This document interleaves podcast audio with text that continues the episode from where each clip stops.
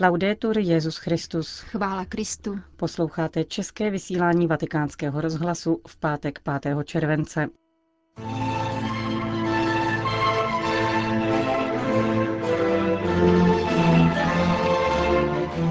V Římě před půl druhým tisícem let napadl sníh. Připomínáme si výročí posvěcení baziliky Santa Maria Maggiore. Hladomor ve východní Africe je důsledkem špatné politiky, říká keňský biskup Arab Korir. Po těchto a dalších zprávách si budete moci poslechnout pravidelnou páteční homílii otce Richarda Čemuse. Nazval jí Voda, čoma drží nad vodou. Od mikrofonu zdraví Jana Gruberová a Johana Bronková.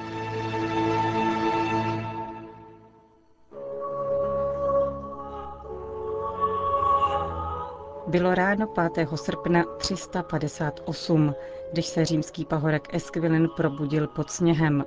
Zázračná proměna, tak nepravděpodobná uprostřed horkého italského léta, byla ve snu předem ohlášena papeži Liberiovi, ale také jistému římskému patriciovi Janovi a jeho ženě, spolu s úkolem vystavět na tomto místě chrám zasvěcený paně Marii. Zatímco stavby na Lateránu a ve Vatikánu fundoval císař, Římská bazilika Santa Maria Maggiore se stala prvním velkým chrámem budovaným církví. Jako každý rok na slavnost zasvěcení baziliky doprovázelo slavnostní liturgie sněžení okvětních lístků. Na dnešní večer je kromě toho v plánu scénografická evokace dávné události za užití světelných efektů a hudby velkých mistrů. Bělorusko. V obci Ivjanec nedaleko Minsku dnes začíná národní setkání mládeže věnované madridským světovým dnům a 20. výročí založení arcidiecéze Minsk-Mogilev. V běloruském městě se tři stovky mladých sešli již na začátku týdne na škole liturgického zpěvu. Jejíž účastníci budou pěvecky doprovázet dnes zahájené národní setkání.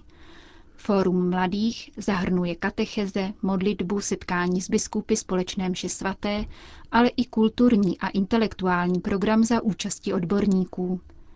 Na závěr setkání bude požehnána socha blahoslaveného Jana Pavla II., zasazen strom a uděleno požehnání zástupcům běloruské mládeže, kteří odjedou do Madridu.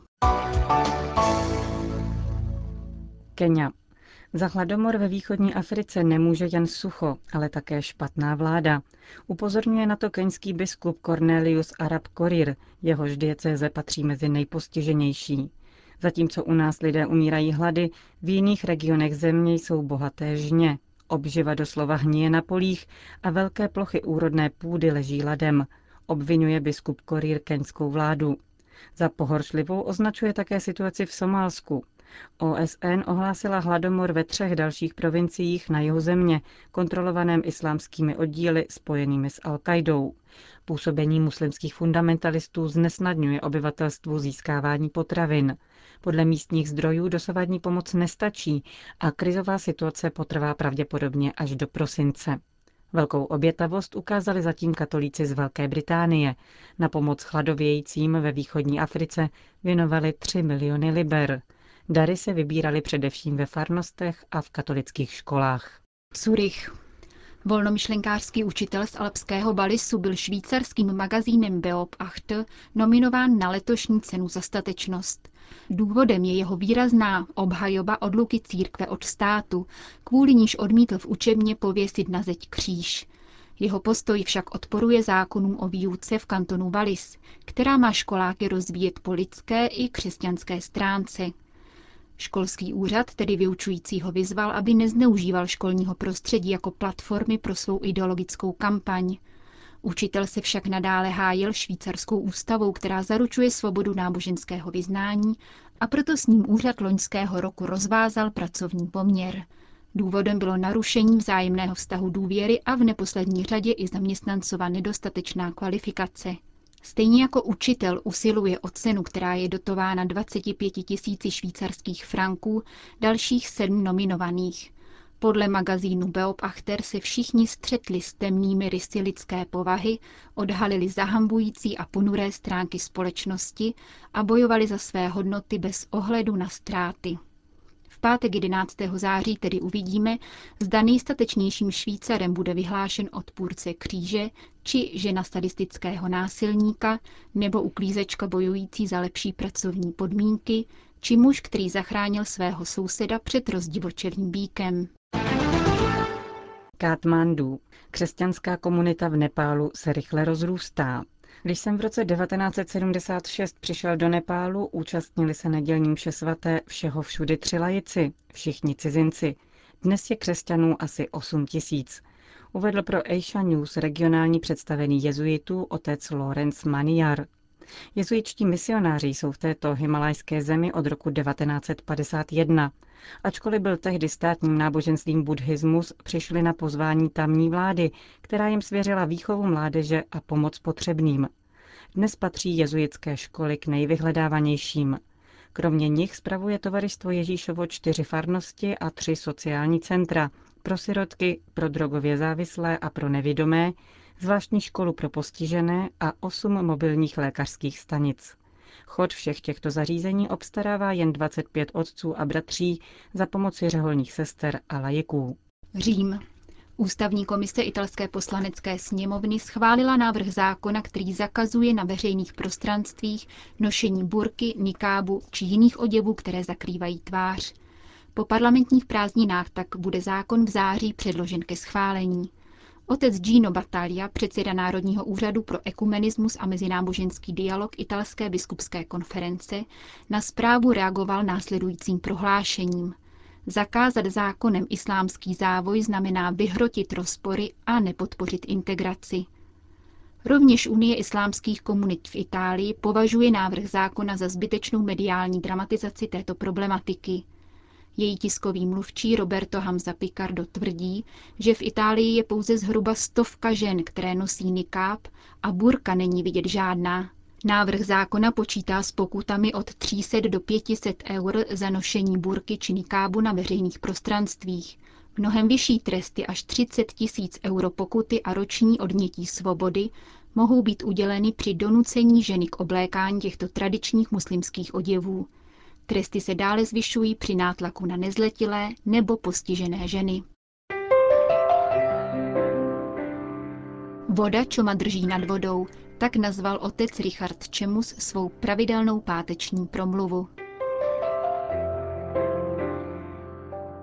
Kdo by neznal píseň slovenské kapely Elán Voda, čoma drží nad vodou.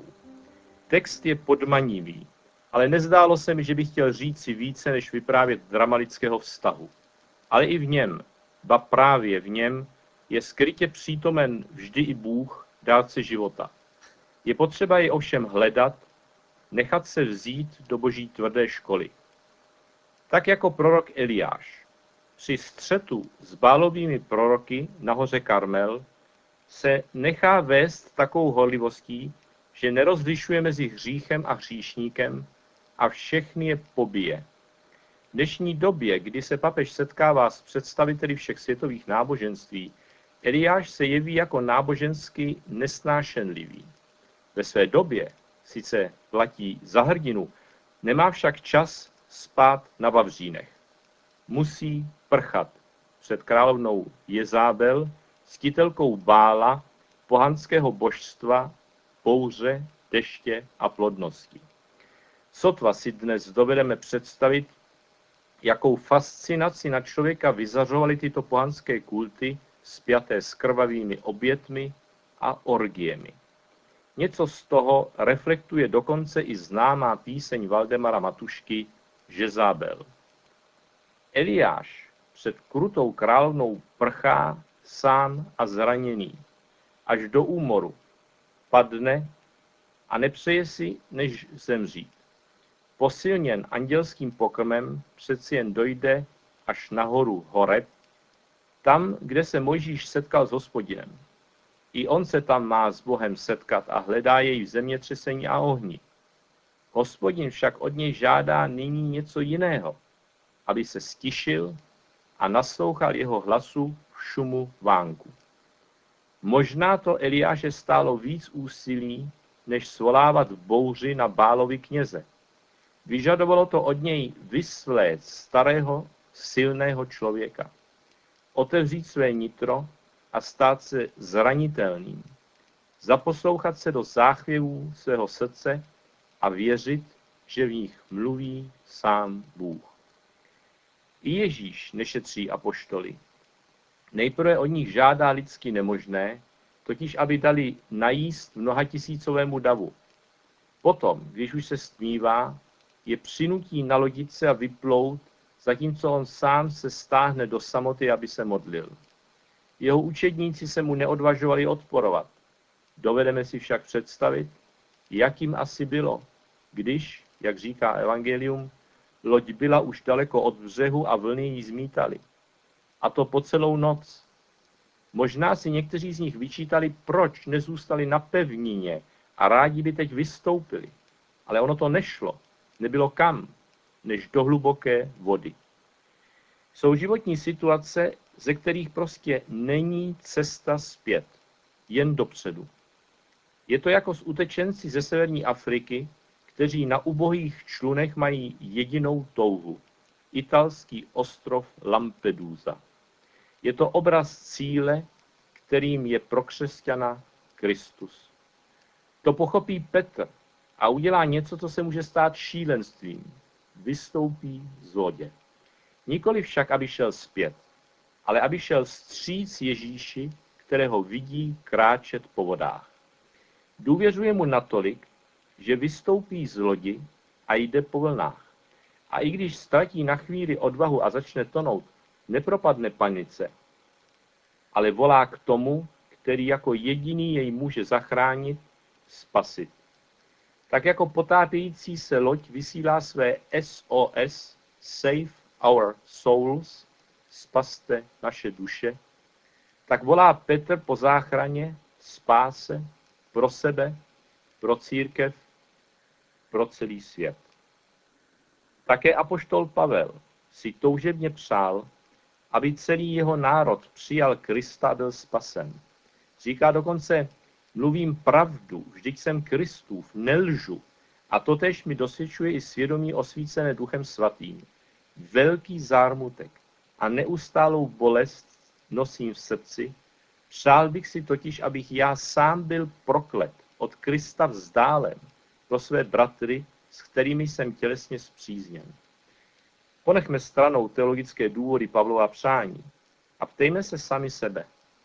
Záleží nám tolik jako apoštolovi národů na tom, aby se lidé naší doby, naše společnost, náš národ spasili? A nebo je spíše zatracujeme jako Eliáš Bálovi proroky? Musíme se nechat vzít do náročné boží školy a naučit se slyšet jemný pánův hlas. Ten se zdá, že zaniká v hukotu příboje zklamání a beznaděje, jež nás hrozí pohltit. A přece je Kristovo tiché, ale pevné pojď natolik nosné, že můžeme s Petrem vykročit před. Vždyť pán sám je ta voda, co nás drží nad vodou.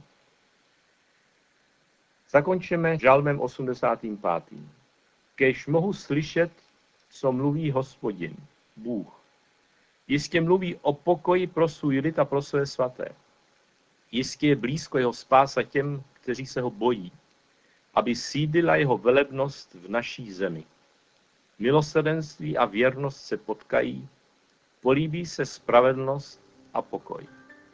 Věrnost vypučí ze země, spravedlnost schlédne z nebe, hospodin též popřeje dobro a naše země vydá plody. Spravedlnost bude ho předcházet a spása mu půjde v patách. Slyšeli jste pravidelnou páteční homílii otce Richarda Čemuse. Končíme české vysílání vatikánského rozhlasu. Chvála Kristu. Laudetur Jezus Christus.